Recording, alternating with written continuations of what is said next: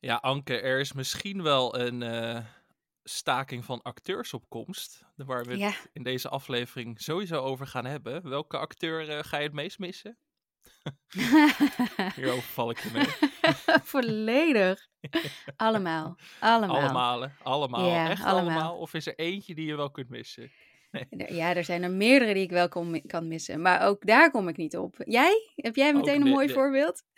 Nee, ik heb geen idee. Maar ik denk, ik, ik schrijf deze, dit soort vragen nooit op. Ik verzin het gewoon on the spot. En ik denk, we moeten iets noemen wat we vandaag gaan bespreken. Maar we gaan het in deze aflevering hebben over de, over de nou niet de schrijverstaking. Dat is al gewone koek inmiddels een paar maanden lang. Maar acteurstaking, Emmy-nominaties. Eh, we gaan het hebben over series. Je verwacht het niet in deze podcast, maar we hebben dingen gekeken. We gaan het onder meer hebben over de Horror of Dolores Roach. Dit is echt een tongbreek van je welste voor mij met mijn Engelse uitspraak. The Righteous Gemstones seizoen 3. En het hoofdprogramma van vandaag, Full Circle. Dus laten we heel snel doorgaan met de aflevering, Anke.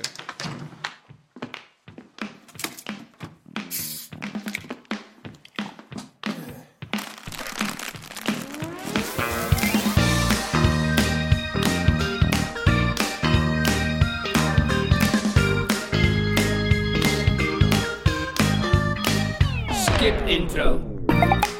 Ja, welkom bij een gloednieuwe aflevering van Skip Intro, de serie podcast van Nederland. En zoals elke week zit ik weer achter de knoppen. Dat is trouwens niet waar, zoals elke week, want ik ben er niet meer elke week. Maar mijn naam is nog steeds wel Alex Mazero en ik zit tegenover Anke Meijer, die voor zover ik weet voorlopig nog niet gaat staken. We weten niet hoe dat zit met de acteurs, daarover snel meer. Maar eerste vraag, Anke. Leef jij toe naar een staking zelf? Ben jij toe aan een staking? Hoe, hoe zit je in de wedstrijd? Eh, ja, ik heb wel af en toe inderdaad dat ik denk, ik wil ook even staken. Eh, niet Ja. zozeer met series kijken, maar gewoon met werken. Maar ja, dat, dat hoort ook, hè. het is vakantie. Het is, eh, waar ik zit, is het al vakantie. Jullie moeten nog even, de schoolvakanties heb ik het dan over. Daar heb jij nog zeggen, helemaal niks mee te volledig maken. buiten Ja. mij om. Nee. Maar ik heb daar last van, om het zo maar te zeggen.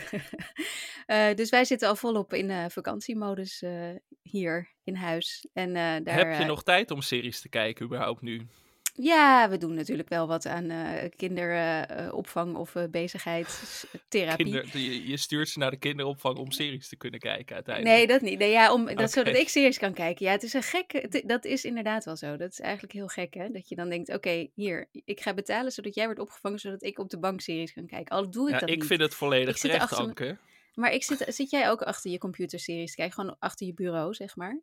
Is heel onaangenaam Nee, ik zeg, ga wel vaak op de bank zitten. Dat, eh, dat voel ik dan toch nog. Ik wil het wel een beetje leuk houden voor mezelf. Dus dan, Ja. eh, Ja, als ik echt achter een, achter een bureau ga zitten, dan voel, gaat het wel heel erg op werk lijken. En dat moeten we niet hebben natuurlijk. Ja, ja, dat is het voor mij toch wel echt een beetje geworden. Ja. Niet altijd overigens, niet altijd. Maar, eh, maar ja, ik, zal ik zeggen wat ik deze week heb gekeken. ja, ik heb het al een beetje gespoord natuurlijk in mijn intro, maar brandlos. Ja, nou ja, ik heb eigenlijk allemaal dingen gekeken waar ik niet zoveel mee kan. Want ik, ben, eh, ik heb een rewatch van Band of Brothers gedaan, samen met Hans. Ehm, waar we misschien later meer mee willen gaan doen. En daarover later ook misschien meer. Ehm, en ik eh, ehm, ben vooral soort van in een documentaire serie gezogen van de BBC. Die je dus nergens kan kijken. Want ik had hem opgenomen, maar je kun je nergens kijken. Het gaat over Noord-Ierland. Eh, is fantastisch. En zodra die hier ergens te zien gaat zijn, eh, ga ik hem eh, absoluut tippen. Ehm, dus toen dacht ik, maar ik moet wel iets hebben wat, ik ook, wat mensen ook kunnen gaan kijken. Dus toen ben ik de Amazon Prime videoserie The Horror of Dolores Roach ehm, gaan kijken. En dat had je daarvan gehoord? Ja, ik heb hem voorbij zien komen en dat was nou typisch gewoon puur titel, los van de inhoud. Ik heb geen idee, maar de titel dacht ik, oh, dat klinkt interessant. Maar dat is misschien Ja. omdat het woord horror erin zit. Ik heb geen idee, maar het was een aansprekende titel, laat ik het gewoon zo zeggen. Maar ik weet er dus niks van, dus praat me vooral helemaal bij. Ja, nou ja, het begint inderdaad. Je denkt horror, eh, omdat het in de titel staat. En ook omdat de, de title card, zeg maar, dus de, de lettertjes waarmee ze die titel eh, in het begin in beeld brengen, zijn ook lekker oldschool horrorachtig. Ehm, en dan zijn de eerste afleveringen eigenlijk helemaal niet zo horror. Dus dat is wat, eh, dat is wat vreemd. Ehm, maar ook wel weer, ook wel weer prima. Het, het, het gaat, het is eigenlijk een soort van reimagining of een moderne versie van ehm, Sweeney Todd. Ja. Eh, en het gaat over een vrouw die op ja, redelijk jonge leeftijd, ergens als ze in de twintig is, wordt ze gearresteerd. Omdat ehm, nou ja, haar vriend eigenlijk een drugsdealer is. En uh, zij wordt gepakt. Niet hij, maar zij. Ze zit 16 jaar in de gevangenis uh, in uh, New York. Ze komt weer vrij. En dan keert ze terug naar Washington Heights, de, de wijk in Manhattan, waar ze um, is. Nou, ik weet niet of ze er is opgegroeid eigenlijk, maar in ieder geval waar ze woonde en waar ze iedereen kende. En dat is in die 16 jaar tijd dat ze weg is, natuurlijk volledig gentrificeerd. Lekker woord. Um, ja. Dus uh, ze kent niemand meer, ze kent niks meer. Uh, er wordt nog wel drugs gedeeld, maar dan op een manier die ze ook niet meer snapt, zeg maar. Uh, en er is nog één empanada-zaak waar ze de eigenaar nog van kent, gelukkig. En daar mag ze dan, krijgt ze onderdak en dat soort dingen. en dan gaat ze vervolgens masseren, want dat heeft ze geleerd in de gevangenis. en dan heeft ze allemaal klanten. En nou ja, op een gegeven moment gaat dat mis. En dan wordt zij, ze wordt dus geen kapper die haar mensen ombrengt, maar een uh, masseur die, haar, die de, haar cliënten ombrengt. En vervolgens wordt dat vlees verwerkt in de empanadas van de man okay. bij wie ze dus logeert, zeg maar. Dus dat is, uh, dat is zeg maar die Ik dacht al, wat blijft op... de horror, maar dit, Precies, uh, nou, dit dat is dus de horror. Ja. ja, dat is de horror. En dat komt wel pas na een paar afleveringen, want in die eerste aflevering zie je haar dus ja, terugkomen uit de gevangenis en een beetje in shock zijn om wat alles wat er is en moeite hebben met ook weer terug kunnen keren, want mensen willen niks met haar te maken hebben omdat ze in de gevangenis heeft gezeten. Dus het, het duurt even voordat het op gang komt, maar als dan eenmaal dat moorden komt, dan, uh, ja, dan, dan krijgt het wel weer een lekker, uh, lekker zetje en is het ook, het, het, neemt zichzelf niet heel serieus. En dat maakt het ook wel weer leuk. En de hoofdrolspeler is Justina Maca Machado, zo spreek je dat uit. Die, um, ik weet niet of wij die echt heel goed kennen eigenlijk. Ze speelde um, ook in een, een Netflix-serie die, even kijken hoor. Nee, ja, haar naam zegt me ook niks, maar ik zit een beetje door haar uh, One Day at a Time. scrollen. Oh ja, zij, ja. Oh, zij speelde een paar jaar geleden inderdaad in, in uh, One Day at a Time. En dat was toen een reboot, geloof ik, van een klassieke Amerikaanse uh, sitcom. Uit, nou ja, echt de jaren zeventig of zo, geloof ik. Misschien nog wel ouder die ik zelf nooit had gezien. En ik vond dit best een hele schattige serie. En zij speelt hier uh, ja, echt wel heel anders. Ze speelt eigenlijk, ze heeft meerdere gezichten, want in het begin is ze dus redelijk ja, lief en teruggetrokken en onzeker. En vervolgens wordt ze dus een ja, moordenaar, een seriemoordenaar. Ja. Um, maar wat er vooral ook wel leuk aan is, is dat er best wel wat uh, gastrolletjes in zitten van bekende mensen, waaronder Cindy Lauper en Mark Maron. Um, okay. Die uh, meteen het eerste slachtoffer speelt. Wat ook alweer, die ook een hele nare man speelt. Dus hij verdient het volledig. Uh, maar wat ik er ook wel een beetje grappig aan vond, is dat het dus en cannibalisme, want hè, de mensen worden opgegeten, en een vrouwelijke seriemoordenaar heeft. En dat zijn eigenlijk twee dingen die we de laatste tijd best, best al vaker hebben zien terugkomen. Dus het lijkt wel een beetje een trend. Uh, cannibalisme natuurlijk in, in Yellow Jackets, maar er zijn nog wel wat series die dat hebben, geloof ik. Um, en eh, de vrouwelijke seriemoordenaar hebben we ook in die andere Prime-serie uh, van recent, Swarm, gezien. Swarm, oh ja. Ja, ja, ja, dus ja, ja. Het, eh, het, het is, ik heb het idee dat het, dat het ook twee soort van, ja, hete onderwerpen combineert of zo. Ik wou zeggen, ik juich het wel toe, maar dat klinkt misschien ook gek als het om deze thema's gaat. Maar ik, uh, ja, ik weet niet, een, uh, het hoeft niet all-out cannibalisme te zijn, maar een, een beetje cannibalisme. Ik bedoel, ik, uh, een van mijn favoriete series aller tijden is Hannibal. De serie natuurlijk gebaseerd op de boeken en, en in dit geval gespeeld door Mats Mikkelsen. Er zat ook een vleugje cannibalisme in, maar ik vind dat eh, het hoeft niet, zeg maar, dat- dat je echt eh, mensen een hap uit, eh, uit hun lichaam ziet nemen per se. Nee. Maar ik vind het toch altijd wel een eh Nee, de, de fascinerend eng thema. de het empanadas zijn- het, is, het is wel goed gedaan, want de empanadas zijn natuurlijk super populair. Want het is Ja. heel lekker. Een beetje zoals ze in Yellowstone ook laten zien hoe lekker dat vlees is en hoe goed het ruikt, zeg maar, als het, als het eenmaal gebakken is. En dat Yellow zie je ook iedereen... Of zit er ook cannibalisme in Yellowstone? Zei ik Yellowstone? Oh, wauw. Ja, Wat een dat, verspreking. dat zou echt een plot twist zijn. ja, dat, dan, dan ga ik echt verder kijken. De- bij, ja, eh, dan moet ik ook gaan kijken. Als ik dat nu. Ja. Ik, nou, hey, Taylor Sheridan, als je nog even geen ideeën meer hebt, dat kan ook nog altijd. Dat ze Ehm, Kevin Costner opeet omdat hij de serie gaat verlaten na seizoen 5. Dat zou echt, dat zou echt grappig zijn. eh, dat is, en ik denk dat het dan echt weer iedereen gaat kijken die eh, is afgehaakt zoals wij. Maar ja, nee, ik, eh, sorry, Yellow Jacket inderdaad. Ehm, En uh, nou ja, het is dus de, de Horror of Dolores Roach staat nu op, uh, op Prime. Ik, uh, het, het kijkt heel makkelijk weg. Ik zag dat de recensies behoorlijk gemixt zijn. De een vindt het heel leuk, de ander vindt het net niet goed genoeg. Um, ik zit ook in het midden. Ik heb me prima vermaakt. En leuke acteurs en ook wel lekker, lekker mensen die in zo'n empanada happen en dan zeggen, mmm, heerlijk. Ja, ja, ja, ja, ja, heel goed. ik uh, ga kijken in ieder geval. Je hebt mij, je hebt mij uh, om, uh, omgekregen. Dat, goed, dat is een hele prestatie, Anke. Je weet dat dat, dat, dat niet zomaar ja, gaat. Ja, want je bent het nooit met mij eens. Zeker. ja, waar cannibalisme ook zomaar een rol in zou kunnen spelen. Ik zou het niet weten, maar ik zou het ook niet geheel uitsluiten in de toekomst. Want als er één serie is die altijd wel blijft verrassen wij hebben het de laatste aflevering gehad over hoe, hoe leeg HBO ook voelt na het einde van Succession en Barry. En dat Mhm. het gat eigenlijk werd opgevuld met The Idol. Ik heb toen één serie eigenlijk nog even achterwege gelaten, omdat ik nog geen tijd had om seizoen 3 te zien. Want ja, Succession en Barry hebben gewoon wel een natuurlijke opvolg. Want seizoen 3 van The Righteous Gemstones is begonnen. Zijn inmiddels ongeveer halverwege. De eerste vijf afleveringen staan nu op HBO Max. En ja, Anke, het is dat ik het nog niet gezien had voor mijn top 10 lijst. Anders had deze waarschijnlijk was hij sowieso ook weer de top 5 binnengestormd. Want ik vind dit zo'n geweldige serie. Ik heb het volgens mij wel vaker benoemd. Hij stond ook in mijn top 10 van vorig jaar, meen ik me te Ja, herinneren, het tweede wel, ja. seizoen. Maar eh, deze serie heeft in Nederland nooit echt, volgens mij, een schare fans opgebouwd. Omdat hij heel stil toen gedropt is met HBO Max. En het is Nee, hij stond nu voor het eerst. Hij Hij stond op stond op Ziggo. maar dat ook zo heel ja, erg.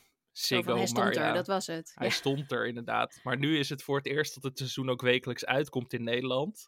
Het heeft wel weer een beetje de pech dat het na Succession komt. En dat het een redelijk, nou, in de kern in ieder geval soortgelijk verhaal heeft. Ja. Een Succession-achtig verhaal. Met, eh, het gaat Ook in dit geval over een, eh, familie van, eh, ja, dit, dit kan ik nooit uitspreken. Televangelisten. Tele, Televangelicals.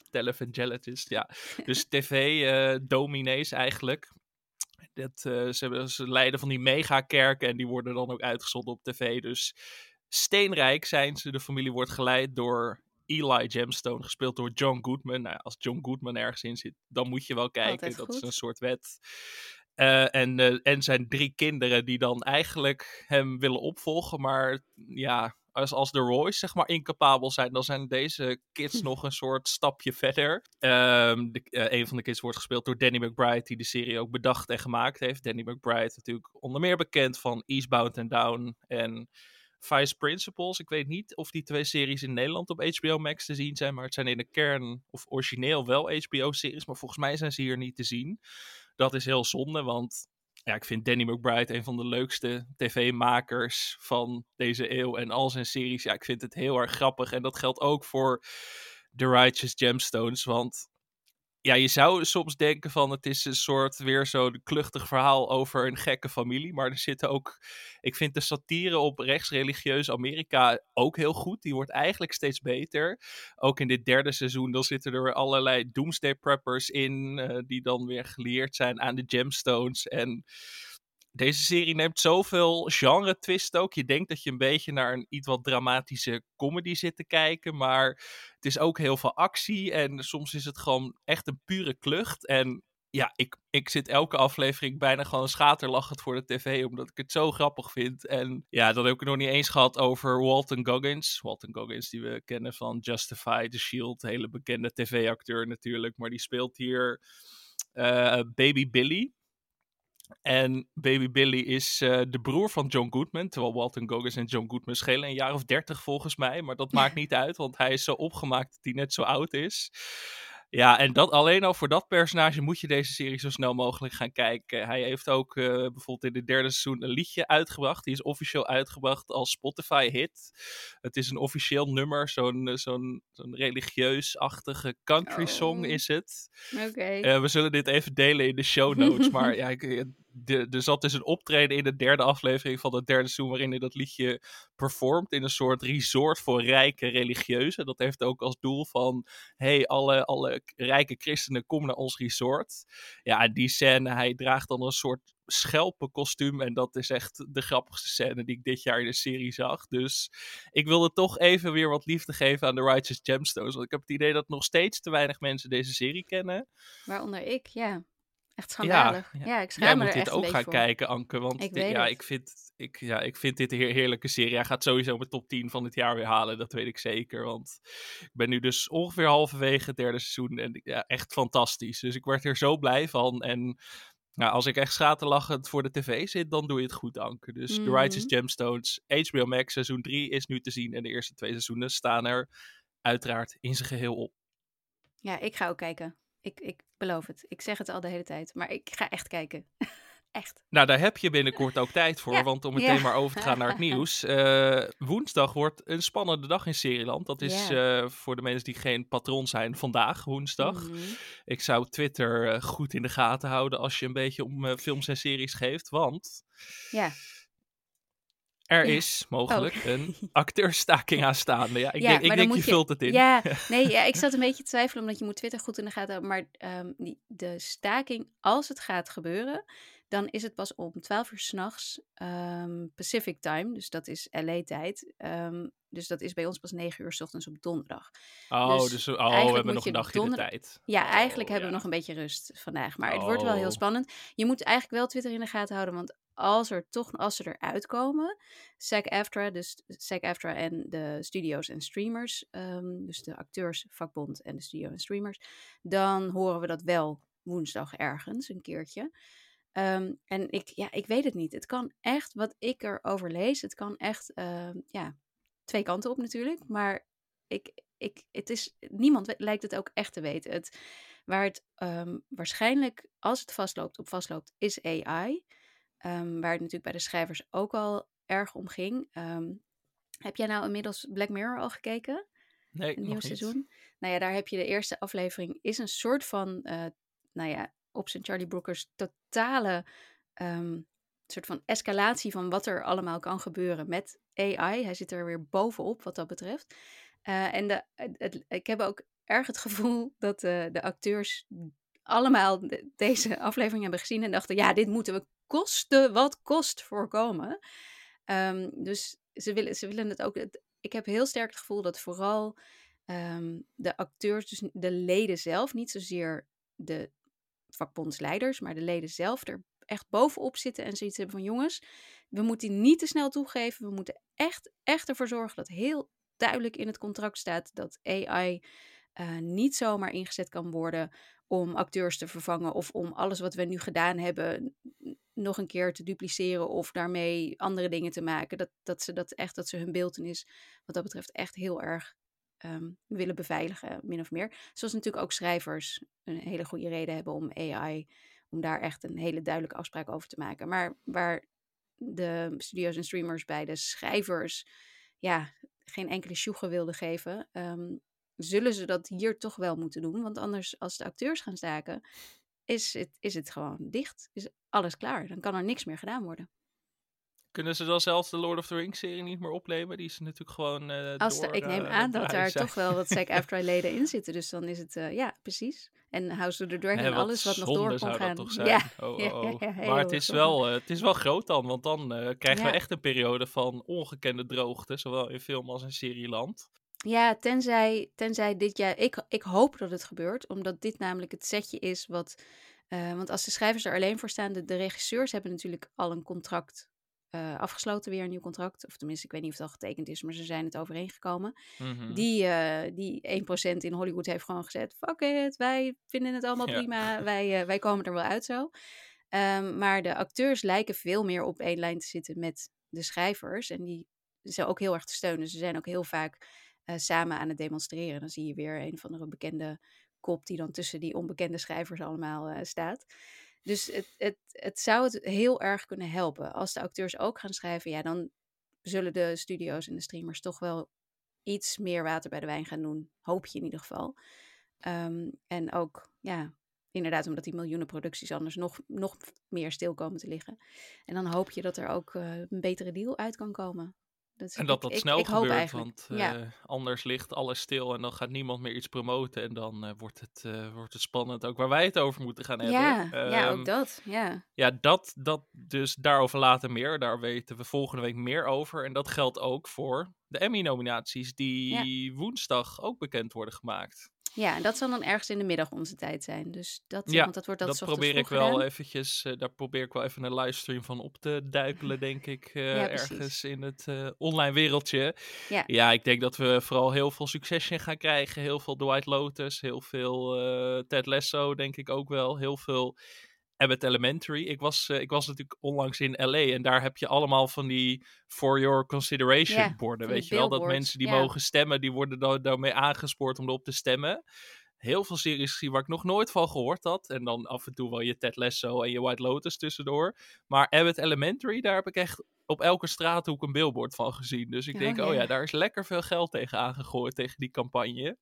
Dus die zal ook wel... Uh, veel nominaties gaan krijgen, bij de, de denk ik zo. Ja, niet onterecht uh, hoor. Ik bedoel, als ja, je dan ik heb ze nog steeds dat tweede seizoen niet gezien uh, in zijn geheel, maar...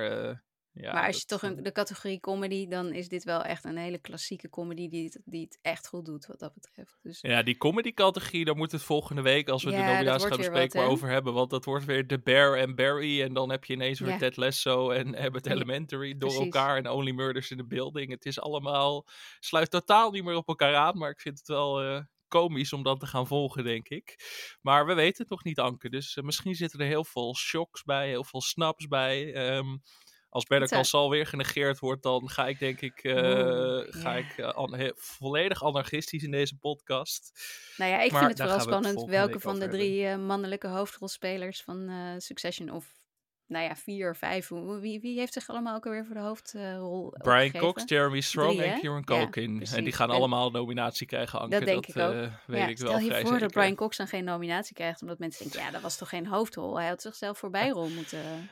Ja, ze maken. En ik denk dat Brian Cox ze allemaal gaat intimideren. Dan gaat hij, ja, dan gaat hij heel veel interviews geven weer. En ja. iedere keer zeggen wat voor een belachelijke organisatie dat toch is, die Emmys. Zoiets. Ja, ik heb er nu al zin in. Wat het ook wordt. Ja. Uh, ja, we hadden zelf ook een beetje een. Uh, oh, ik, ik wilde een ander bruggetje maken. Want ik had zelf natuurlijk oh, ook een klein polletje ja, erin ja, gegooid. Naar, uh, naar aanleiding van onze aflevering van vorige week. Uh, zoals ik al beloofd had, natuurlijk. Uh, wie uh, had, wat was de betere serie? Succession, zoals ik zei, of Barry, zoals jij zei. nou ja, hè, je voorspelde het al. De, de ja. overweldigende meerderheid stemde op Succession. Het was een beetje Maar de echte revolutionairen hebben het nooit, worden nooit erkend in de tijd, Anke. Dus ik, ik ging nou, er, er werd ook uit. wel wat op Barry gestemd. En er kwam best een aantal keer Mrs. Davis voorbij, wat ik ook wel heel leuk vond ja, goed dat dat toch zo uh, goed aansloeg eigenlijk. We hadden ook wat andere reacties natuurlijk. Uh, ja, Marieke zei ook Mrs. Davis op één. En die had Somebody Somewhere op twee en The Last of Us op drie. Uh, Mark had ook Mrs. Davis. Die vond Succession op een bepaalde manier voorspelbaar en daardoor saai, tussen aanhalingstekens. Ja, dat, dat, dat, is, dat zijn de hot takes. Ja. ja. dat is pas een echte hot take. Ook leuk. Dus, uh, dus ja, dat. Uh, volgens mij was het Rob Timmermans vroeg: gaan jullie ook nog een toplijstje met de slechtste series maken? Poeh. Ja, dat hebben we in zekere zin al een beetje gedaan. De Ted Lasso's uh, de, van deze wereld zitten erin. Maar misschien moeten we hier nog even over na gaan denken. En dit in een, een van de komende afleveringen misschien nog een top 3 of zo. Even een korte top 3 eruit stampen. Want, ja, nou dat lijkt me wel. Want als je dan als je echt de allerslechtste, zeg maar, als je bijvoorbeeld de rating op IMDb zou gaan aanhouden, dan kom je denk ik niet eens bij The Idol uit. Want dan kom je bij series waar we serieus nog nooit van gehoord hebben waarschijnlijk. Ik bedoel, kunnen nee. we ook doen. Kunnen we ook een keer kijken. Ik weet niet of jij daar zin in hebt, maar ja, kan. Um, ja, nee, we, we, kunnen het altijd proberen. Ik ga er even over nadenken, Anke. Ja. En dan kijken, denken hoeveel slechte series ik dit jaar gezien heb.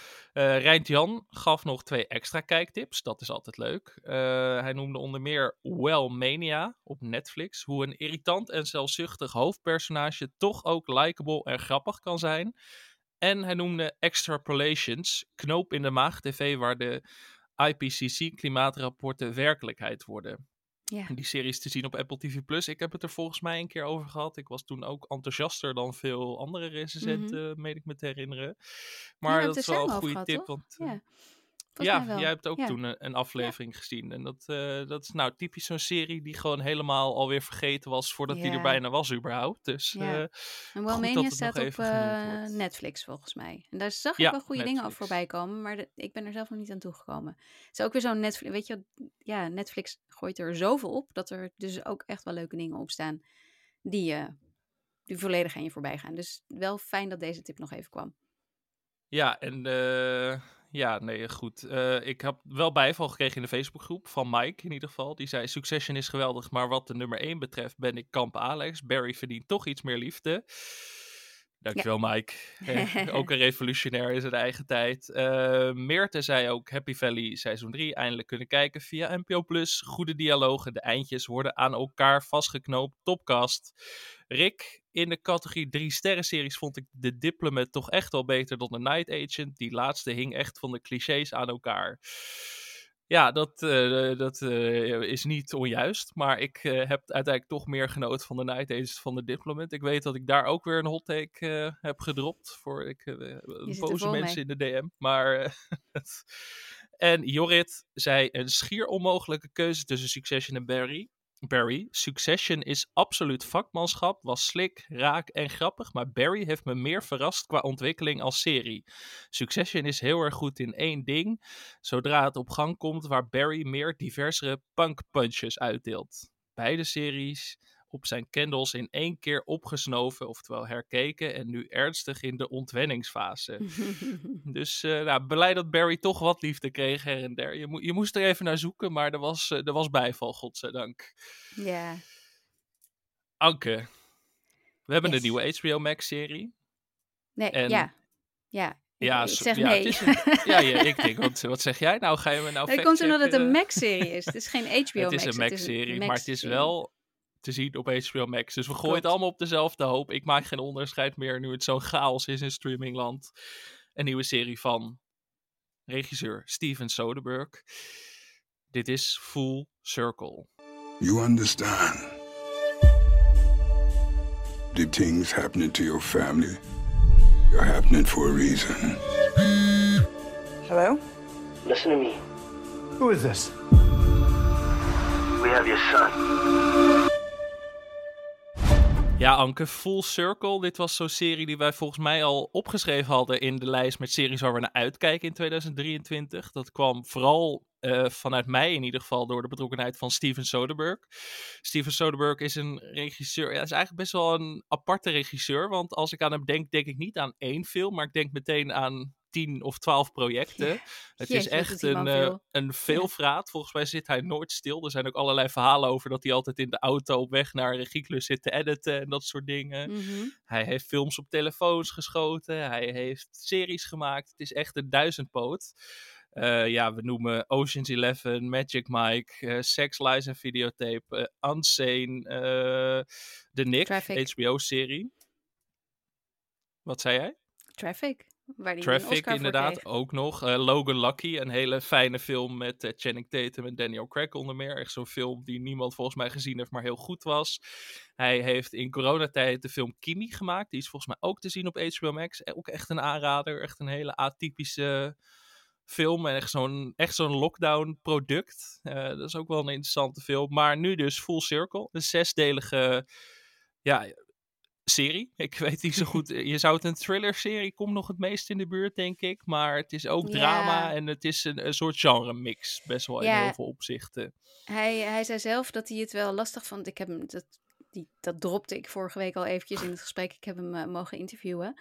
Eh, en hij zei zelf dat hij het wel een beetje lastig vond. Want toen ze de trailer gingen maken eh, en dat allemaal bij elkaar. Het gaat over een mislukte kidnapping. Dus toen dat allemaal achter elkaar geknipt werd. eh, ja, zag het er allemaal super spannend en intens en, en, en ja, actievol uit. Eh, en dat hij zei, ja, ik hoop niet dat als mensen gaan kijken, dat ze, dat ze dan afknappen. Omdat er ook gewoon heel veel momenten in zitten waarin het niet zoveel actie heeft. Waarin er ook gewoon inderdaad drama zit. Dus wat dat betreft is het een beetje ja, een combinatie van, eh, van al die dingen die je noemde. Ja, want deze serie. ehm, ik denk dat we een beetje moeten uitkijken met spoilers. Maar je zou kunnen zeggen dat het in de kern draait om een kidnapping. Eh, een Ja, kind van mislukte. rijke ouders wordt Dus, ja, Ja, mislukt, dat mag. Ik heb het, ik heb het hem zelf mislukte gevraagd. kidnapping. Oké, ja, als ik hij heb het het zelf gezegd, Ja, heb gevraagd, eh, vind- is dat nou een spoiler of niet? Toen zei hij nee, want dat is de hoek. Daarmee trek Oké. je mensen binnen. Het gaat om een mislukte kidnapping. En eigenlijk gaat het gewoon om een gebeurtenis die, eh, en het effect wat die ene gebeurtenis heeft op alle mensen die daarbij betrokken zijn. En dat zijn er heel veel. Eh, ja dat, zijn er heel veel. Heel veel. Het zijn heel veel verhaallijnen. En eh, je kunt het eigenlijk opdelen in twee kampen, min of meer. Aan de ene kant heb je een rijke familie ehm, die hun geld hebben verdiend ehm, met het feit dat de, de vader van de familie, de opa van de familie, een, een bekende tv-chefkok is. En hij wordt gespeeld door Dennis Quaid, die ook een gek rattenstaartje heeft. En daarmee was ik al om eigenlijk. Dacht ik, oké, Ja, dat, eh, dat ziet er goed uit. Eh, ja heerlijke familie- rol. Maar ik was wel afgeleid door, heel erg afgeleid door inderdaad. Dat Door die staart. Dat ik hem ja. voor het eerst zag, dacht ik echt van wow, wow, wow, even pauzeren. Wat, wat gebeurt hier? Wat gebeurt hier? Dus dat is wel het screenshot te waard bijna. Ja, ja, ja, ja, ja. En eh, zijn dochter is Claire Danes en zij is getrouwd met eh, Timothy Oliphant. Dus dat zijn nogal een paar namen die je daar even noemt. Zeg dat, ja. Zeg dat, ja, over mezelf. En dan heb je aan de andere kant eigenlijk de, ehm, ja, een soort van, wat is het, een, een, een misdaadfamilie, min of meer, ehm, in Queens. Zeg maar, de, de, de familie, de rijke familie zit ergens in Manhattan, vlakbij Washington Square Park, in een heel mooi duur appartement. En in Queens zit dan eh, ook wel een, een redelijk vermogende familie inmiddels, want zij hebben een eh, succesvolle, ja, wat is het, soort van scheme waarbij ze Nee, het is wel heel naar, waarbij ze mensen vermoorden om hun verzekeringspremie. En daar verdienen ze aardig wat geld mee. Eh, en dat die familie wordt geleid door een. Ehm, ik ben even de naam kwijt, maar ze heet, de actrice heet CCH Pounder. En zij eh, leidt familie. En ze, het, is een, zijn allemaal mensen uit eh, Guyana, min of meer. Eh, ze halen ook nieuw bloed eigenlijk voor de familie, die dan weer hun zaakjes moeten gaan oplossen daar vandaan in de, in de eerste aflevering. En dat zijn een beetje een soort van de twee kampen. En dat zijn heel veel verschillende personages die dus allemaal, ja, allemaal verschillende verhaaltjes die aan elkaar gelinkt worden. En dan heb je ook nog de, de twee agenten van de Postal Service, wat ik ook weer wel bijzonder vond. Want het is dus niet de FBI of CIA of gewoon de politie of de NYPD of wat dan ook. Nee, het is de Postal Service, waarvan ik niet wist eh, dat het überhaupt bestond en wat ook meestal niet heel sexy is. Maar die lossen ook misdaden op, waaronder dus dit soort verzekeringsfraudezaken. Ehm, en eh, eh, zij, die twee agenten, waaronder eentje is eh Zazie Beats van Atlanta. Ehm, en zij ja, komen dus deze mislukte kidnapping op het spoor. En, eh, Ja, ehm, alle verhaallijnen komen inderdaad samen. In de eerste aflevering had ik zoiets van... Jezus, waar ben ik in godsnaam? Zeg maar. Mhm. Het ging zoveel kanten op. Ik moest echt even... Ja, nou, verdwaald wil ik niet zeggen. Maar ik moest wel eventjes wennen aan zoveel personages en zoveel Mhm. introducties. En ik dacht wel van, oké, waar gaat het in godsnaam heen? Aan het eind van de aflevering eh, lukt dat uiteindelijk heel aardig. Ik, eh, het is in die zin echt een mozaïekserie, maar het Ja. komt wel vrij snel goed samen. En dat vind ik altijd wel het... het als dat lukt, vind ik een mozaïekserie heel goed geslaagd. Maar het wil ook wel eens helemaal niet lukken. En dan ben je als kijker, dan ben je voorgoed verdwaald. Maar aan het Ja. eind van de eerste aflevering had ik wel dat ik denk... Oké, ik weet waar we zijn, ik weet wie wie is, wie in Ja. welk kamp zit. Ja, en- eens. Ja, ik had niet het idee dat ik ooit de weg kwijt was, inderdaad. Ik had, Nee, zoals Soderbergh zei zelf, de, de bedoeling in dit soort series is dat je, dat je altijd net iets voor de kijker uitloopt, maar dat hij wel, dat hij niet de weg kwijt is, eh, zeg maar. Maar dat ze net niet precies weten wat er allemaal gaande is. En dat, dat vind ik echt heel goed gelukt. Ik weet dat ik heb ze alle zes gezien. Eh, en ja, tot het laatste had ik dat gevoel. Ik had niet het gevoel van wat gebeurt hier, ik ben alles kwijt, want dat is heel vervelend en dan haak je ook af. Ja. Ehm, ik had het idee dat ik volledig grip op het verhaal had, maar dat het verhaal wel kanten op ging die ik niet kon voorspellen of zag aankomen. Nee, en ik vond ook vooral... Ik, ben nog niet, ik heb nog niet alles gezien. Ik ben net iets over de helft. Maar ik vond vooral de tweede aflevering... Die trok mij echt er helemaal in dat ik denk... Oké, ik wil dit zo snel mogelijk afkijken. En dat is altijd een fijne, Ja, ik heb hem ook fijne gebinged. trigger. Ja, ik ja, heb hem, eh, toch? ik had meer, meer dagen, want normaal soms moet je dingen bingen omdat je dan bijvoorbeeld een interview hebt, wat ik ook had. Ehm, maar in dit geval eh, had ik eigenlijk meer dan genoeg dagen om het rustig te kijken. En toch heb ik het echt in, eh, in twee dagen heb ik ze er alle zes doorheen gejaagd. En dat was niet omdat het moest, maar gewoon ja, omdat het heel makkelijk ging. Omdat het ook leuk was en omdat ik ook echt wel benieuwd was naar alles. Ja, en ik vond die tweede aflevering op zo'n spannende manier geëdit ook. Eh, nogmaals, we zullen niet alles prijsgeven, maar het was echt een soort snelkookpan de hele tijd. En die, die bleef maar zo van, gaat hij overkoken, gaat hij overkoken. Oh, hij kookt een beetje over en dan toch weer niet. En dat, Mhm. dat gevoel vond ik zo heerlijk. En dat zat sowieso wel in deze serie. Dat ik denk, het, eh, het, het borrelt en het borrelt en het borrelt. Dat gevoel bracht het wel heel sterk over op mij. Ik weet niet of jij dat had. En of je het daar met Soderbergh zelf nog over gehad hebt. Over hoe die dat... Hoe die die vibe erin heeft Nou, gelegd of zo. Wat ik heel grappig vond en wat hij vertelde is sowieso wat je zegt, in, wat je net zei over dat hij dus in de auto aan het monteren was. Ik weet niet of hij dit in de auto deed, want het werd allemaal in New York opgenomen waar hij ook woont. Eh, dus ik denk Mhm. dat hij gewoon meteen naar zijn eigen werkkamer is gegaan. Maar eh, iedere dag na het schieten eh, van, de, van de scènes is hij meteen gaan monteren. Om, en dan meteen ook alles weer naar een soort van groep mensen die dan als klankbord functioneerden te sturen om te kijken van snappen jullie alles? Klopt dit? Ja. Is dit logisch? Gaat het verhaal nu goed? Eh, weet je wel, we willen dit nog verborgen houden. Kan dat wel? Een beetje zo. Ehm, en dat, zo zijn hij en schrijver Ed Salomon, die, eh, waarmee hij al eerder samen heeft gewerkt, ook serie Mozaïek hebben ze ook gemaakt, 2018 volgens mij. Ehm, zo hebben ze dus echt gaandeweg, dit is gewoon een project geweest wat, wat niet af was toen ze begonnen. Dus dit is echt zo'n geval van schrijvers zijn nodig tijdens het filmen. En dat was in, in dit geval Mhm. echt overduidelijk, want alles, nou niet alles, ehm, ik heb ook CCH Pounder, die actrice, geïnterviewd. En eh, ik vroeg aan haar, is het script dan volledig veranderd eh, van wat je in het begin kreeg en aan het einde? Zei ze dat niet, maar het is gewoon vooral uitgebreid. Er zijn meer dingen bijgekomen. En waar ze ook heel erg bijvoorbeeld ehm, hebben gekeken naar wat, eh, hoe goed de acteurs waren. Er zitten best wel wat jonge acteurs in. eh Zazie Beats en Jarell Jerome zitten erin, maar die vind ik al wel wat meer gevestigd. Die zijn nog niet het niveau Claire Danes, Dennis Quaid, maar wel, ehm, nou ja, dat zijn wel echt al, je weet dat ze goed zijn namen, zeg maar. Ja, Gerald Jerome, vooral bekend natuurlijk van When They See Us, die Netflix-serie waar hij ook een Emmy voor won natuurlijk. Ja, over de en recent I'm a Central Virgo. Ja, Dus, eh, dus die, is, die is even lekker bezig ook.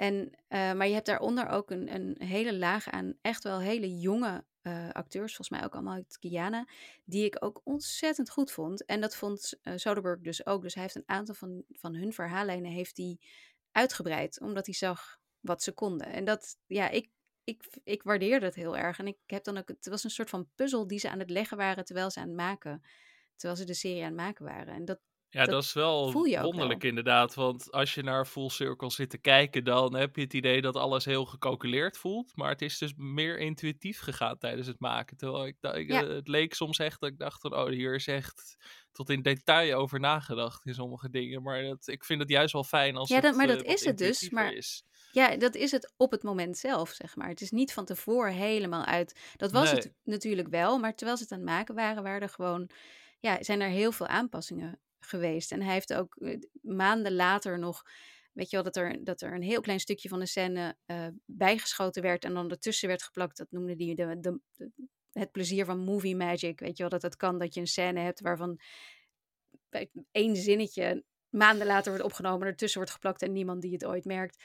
Eh, hij zei ook van, ik snap niet waarom reshoots zo'n slechte reputatie hebben, want weet je, als, je, je levert toch niet je eerste versie in, je gaat toch vaker terug en je kijkt toch, nou ja, zo, eh, zo zei hij dat. En dat, dat is wel heel grappig. En wat ook een hele grote rol speelde is ehm, eh, de nieuwe technologie, dus en vooral internet, telefoons.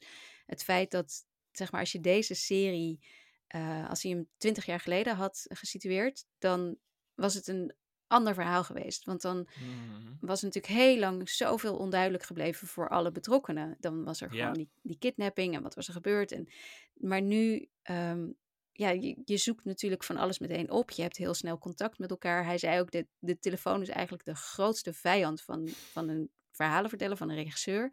Omdat het gewoon zo moeilijk is eh, om dit...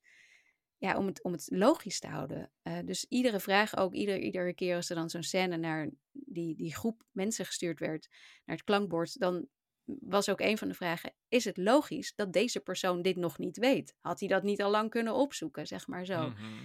Dus dat is ook wel, vond ik ook wel een heel grappig iets. Ook dat, dat je ziet ook heel veel films. ehm, en Martin Scorsese, al zijn films zijn allemaal in het verleden geplaatst. Zijn Heel recente veel films. Period pieces natuurlijk. Ja, Ja, je ziet sowieso heel veel. Anderson en zo doen dat ook. Tarantino doet het eigenlijk ook. Ja. alle- alleen maar de laatste paar eh, films die hij gemaakt heeft. Dus je ziet dat al steeds meer terug. Ik vond dat er wel slim mee om werd gesprongen. Ook in de tweede aflevering zorgt een eh, lege batterij bijvoorbeeld voor heel veel Ja. problemen. Dat, eh, die spanning wordt ook tot in het extreem eh, doorgevoerd En eigenlijk. Daar zo herkenbaar was dat moment. En het was heel herkenbaar Ja. inderdaad, ondanks de omstandigheden, dat ik Ja. echt eh, een van de personages echt zo wanhopig op straat zo op zoek is naar een, naar een, een powerbank. En dat, nou, daar zijn we allemaal wel eens geweest. Dan hopelijk in iets minder extreme omstandigheden. Dat maar dat, dat vond ik er wel echt heel sterk aan.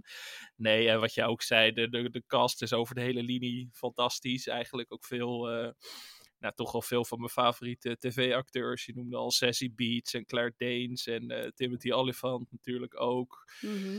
allemaal op de top van hun kunnen, denk ik. Dennis Quaid, wat had ik al een hele tijd eigenlijk niet meer gezien. Ik eh, vroeg me af of hij überhaupt nog acteerde, maar een heerlijk, ja, een heerlijke, heerlijke rol hier ook wel. Ik, ik, Ja, nee, ik vond hem zeker wel leuk. En, hij, en, Ja. en wat ik ook heel leuk vind aan deze serie, zonder iets te spoilen, ehm, is dat, dat het allemaal, het lijkt een soort van, van tevoren denk je, oh ja, eh, dit is de rijke, ehm, de rijke dochter. Eh, dus dit is haar, dit is wie ze is en dit is wie ze doet, klaar. Weet je wel, je kunt ze eigenlijk allemaal in, in zo'n cliché ehm, hokje stoppen.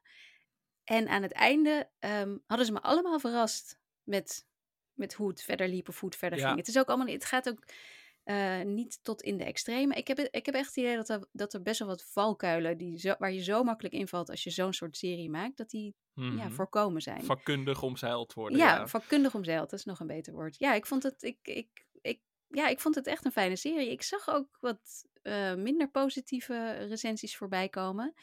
Maar ja, jeetje, als je het toch eh, afzet tegen wat er vorige week nog, of twee weken geleden nog op HBO Max te zien was, dan, dan geef, mij, geef mij dit soort series maar. Gewoon een heerlijke, en ook echt wel beter dan zo'n Netflix wegkijk crime serie. Oh ja, nee, maar daar kan het toch echt niet mee concurreren. Daar kan het echt, als je de, dit, eh, als je, weet ik veel, de Night Agent of zo hiernaast zet, dan is het wel alsof iemand, zeg maar, een, een schoolkrantfilmpje heeft gemaakt. En dan, dit is echt hogeschoolfilm maken of universiteitsfilm maken, laten we Precies, eerlijk zijn. ja. Dan is het ook fijn dat je iemand als Steven Soderbergh achter de camera hebt. Het is dus ehm, te zien op HBO Max. Ja. Eh, dus je kunt lekker dan eerst Full Circle kijken en dan even afkoelen met de Righteous Gemstones. En eh, nou, in het weekend dan de Horror of Dolores Roads gaan kijken, denk ik zo.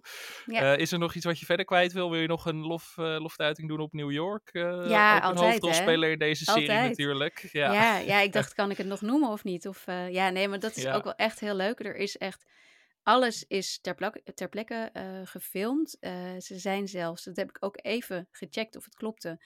Ehm, een, een groot gedeelte van de eh, serie speelt, of draait eigenlijk om Washington Square Park. een beroemd park in downtown Manhattan. En ehm, eh, of in de village eigenlijk. En aan dat park zit een hotel, het Washington Square Hotel. En daar gaat op een gegeven moment een van de personages een, een kamer binnen, omdat je vanuit die kamers heel goed zicht hebt op het park. Nu ben ik daar jaren geleden, eh, zijn Hans en ik daar, hebben daar gelogeerd voordat we in New York gingen wonen. En ik zag die kamer en ik zag de hal en alles. En ik dacht, nou, ze hebben gewoon echt in dat hotel gefilmd. Of ze hebben het gewoon echt helemaal nagebouwd.